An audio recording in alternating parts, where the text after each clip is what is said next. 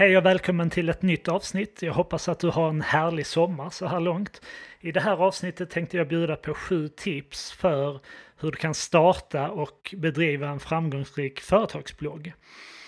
Och tänkte inleda och prata lite om content marketing som är min utgångspunkt i hela mitt tankesätt kring digital marknadsföring och värdet av att faktiskt hjälpa och skapa någon form av värde för kunderna genom det man gör.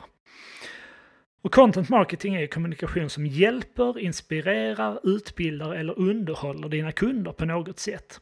Och med en stark utgångspunkt i kundernas problem och frågor som kan tänkas uppstå i samband med att de köper in de produkter och tjänster som du erbjuder. Men det kan även handla om att paketera er kunskap och, och bjuda på andra tips, bjuda på inspiration och insikter som dina kunder på ett eller annat sätt kan ha nytta av. Vi har skrivit en artikel på vår webbplats som heter exempel på content marketing. Jag kommer att lägga till länken i anslutning till det här avsnittet.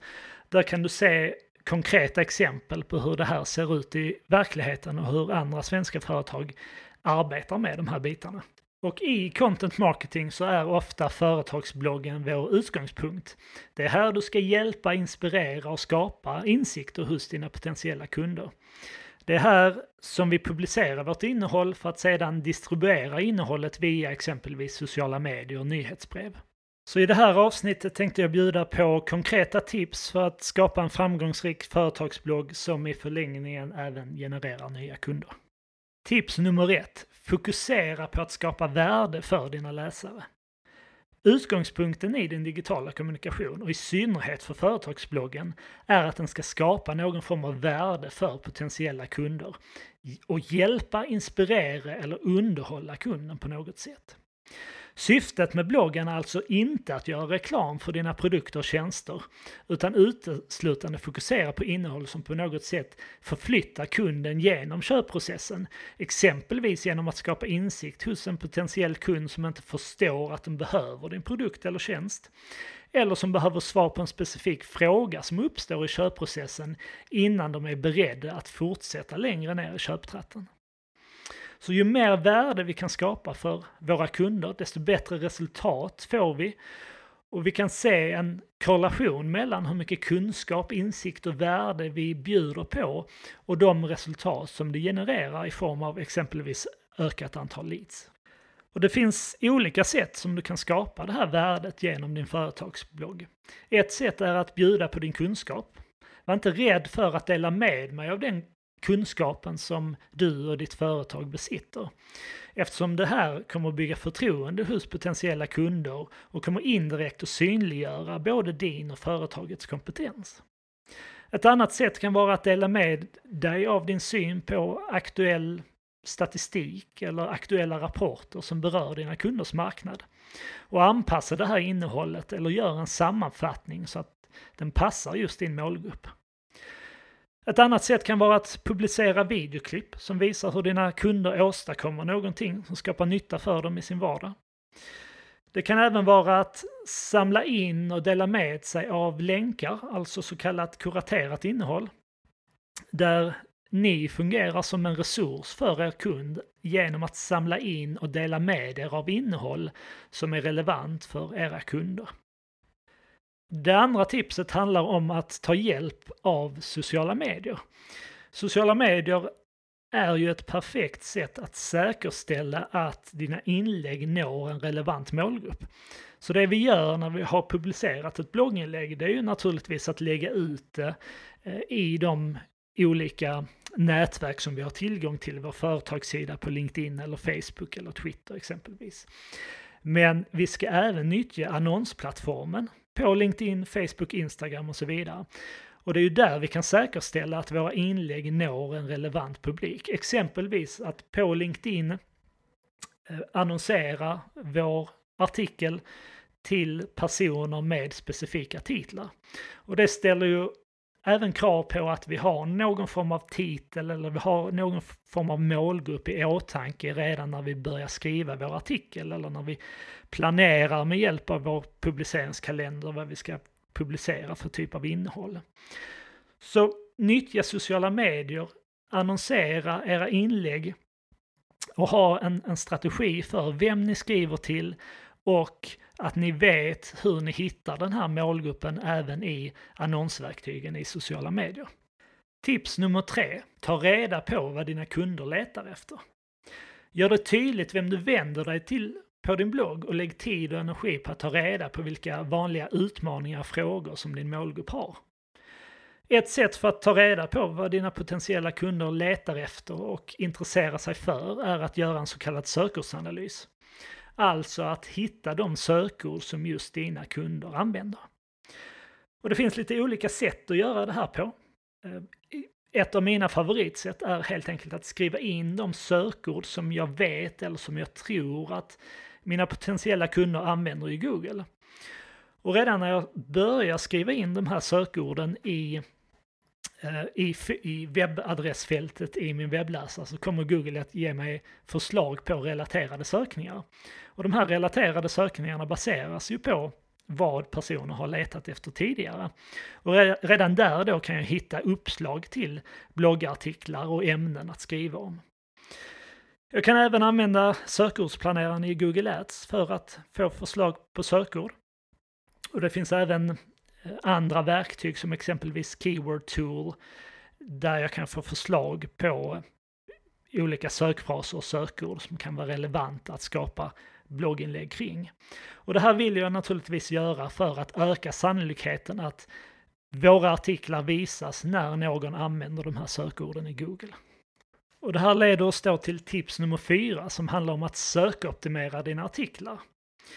Och det här gör vi ju för att inte bara driva trafik från sociala medier eller från vårt nyhetsbrev, utan att successivt även ackumulera mer organisk söktrafik och få våra artiklar att helt enkelt ranka när någon använder de här söktermerna. Här är en kortfattad, väldigt grundläggande guide för hur du kan åstadkomma detta. Så här utgår vi från de sökord som vi har fått fram i vår sökordsanalys. Vi väljer ut ett sökord eller en sökfras. Vi tar fram en lämplig bloggrubrik som gärna får matcha den här sökfrasen så, så gott vi kan. Och det, sedan skriver vi en lång och matig artikel som går på djupet kring det ämnet som vi skriver om. Och här skulle jag inte säga att det, du ska hålla dig inom en viss längd eller eh, si och så många tecken eller ord ska den här artikeln innehålla, utan jag skulle säga gör artikeln så lång som ämnet kräver och bjud och sammanställ så mycket kunskap om det här ämnet som möjligt. Säkerställ sedan att din sökfras finns med genomgående i rubriker på sidan och även i brödtext och så vidare.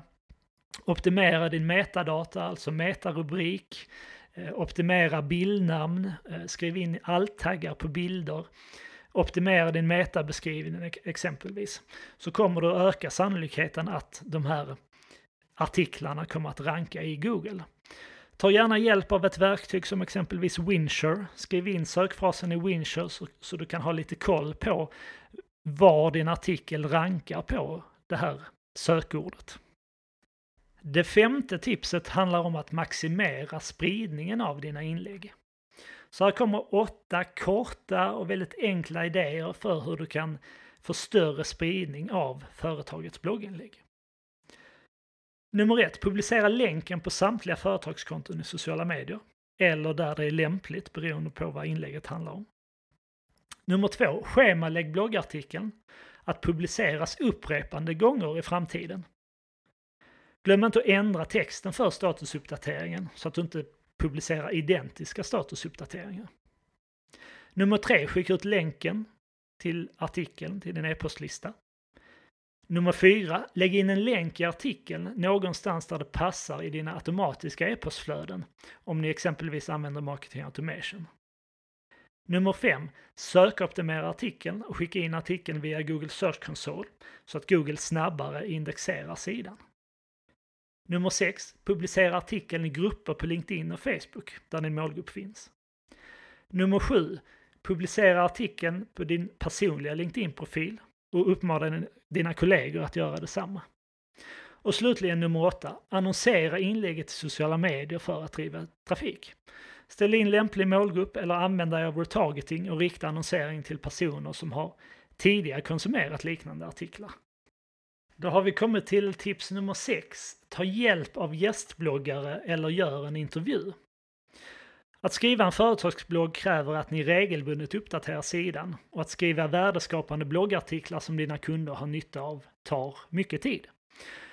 Och ett sätt för att lite hämta andan mellan dina artiklar som ni själva producerar kan vara att ta hjälp av gästbloggare som kan bidra med relevant innehåll för din målgrupp. Och som jag ser det finns framförallt några anledningar med att ta fram eh, eller ta hjälp av en gästbloggare. Eh, och det är att det dels kräver lite av er tid och ni använder istället innehåll då som någon annan producerar. Ni får dessutom spridning av er blogg och artikeln i nya nätverk när er gästbloggare förhoppningsvis vill att länka till sin artikel i sina nätverk, kanske i sina nyhetsbrev eller i, till sitt personliga nätverk på LinkedIn. Och därigenom når ni kanske en publik som ni annars inte hade nått ut till. Om gästförfattaren länkar till artikeln i sin egen blogg får ni dessutom länkkraft från en annan domän, vilket hjälper er ur ett sökperspektiv. Och det sista tipset jag vill dela med mig av handlar om att visa relaterade artiklar i anslutning till era blogginlägg. Och det här är ju såklart ett sätt för att försöka få läsaren att stanna kvar på er webbplats och helt, helt enkelt konsumera mer av ert innehåll. Om ni använder Wordpress så finns det en mängd olika tredjepartsverktyg som kan hjälpa till att åstadkomma detta. Använder ni inte Wordpress kanske ni behöver ta hjälp av er webbyrå för att kunna kategorisera olika blogginlägg för att sedan de relaterade artiklarna blir så relevanta som möjligt utifrån den artikel som besökaren står på för tillfället. Så det här var några tips som jag hoppas kan hjälpa dig att bygga en ännu bättre företagsblogg.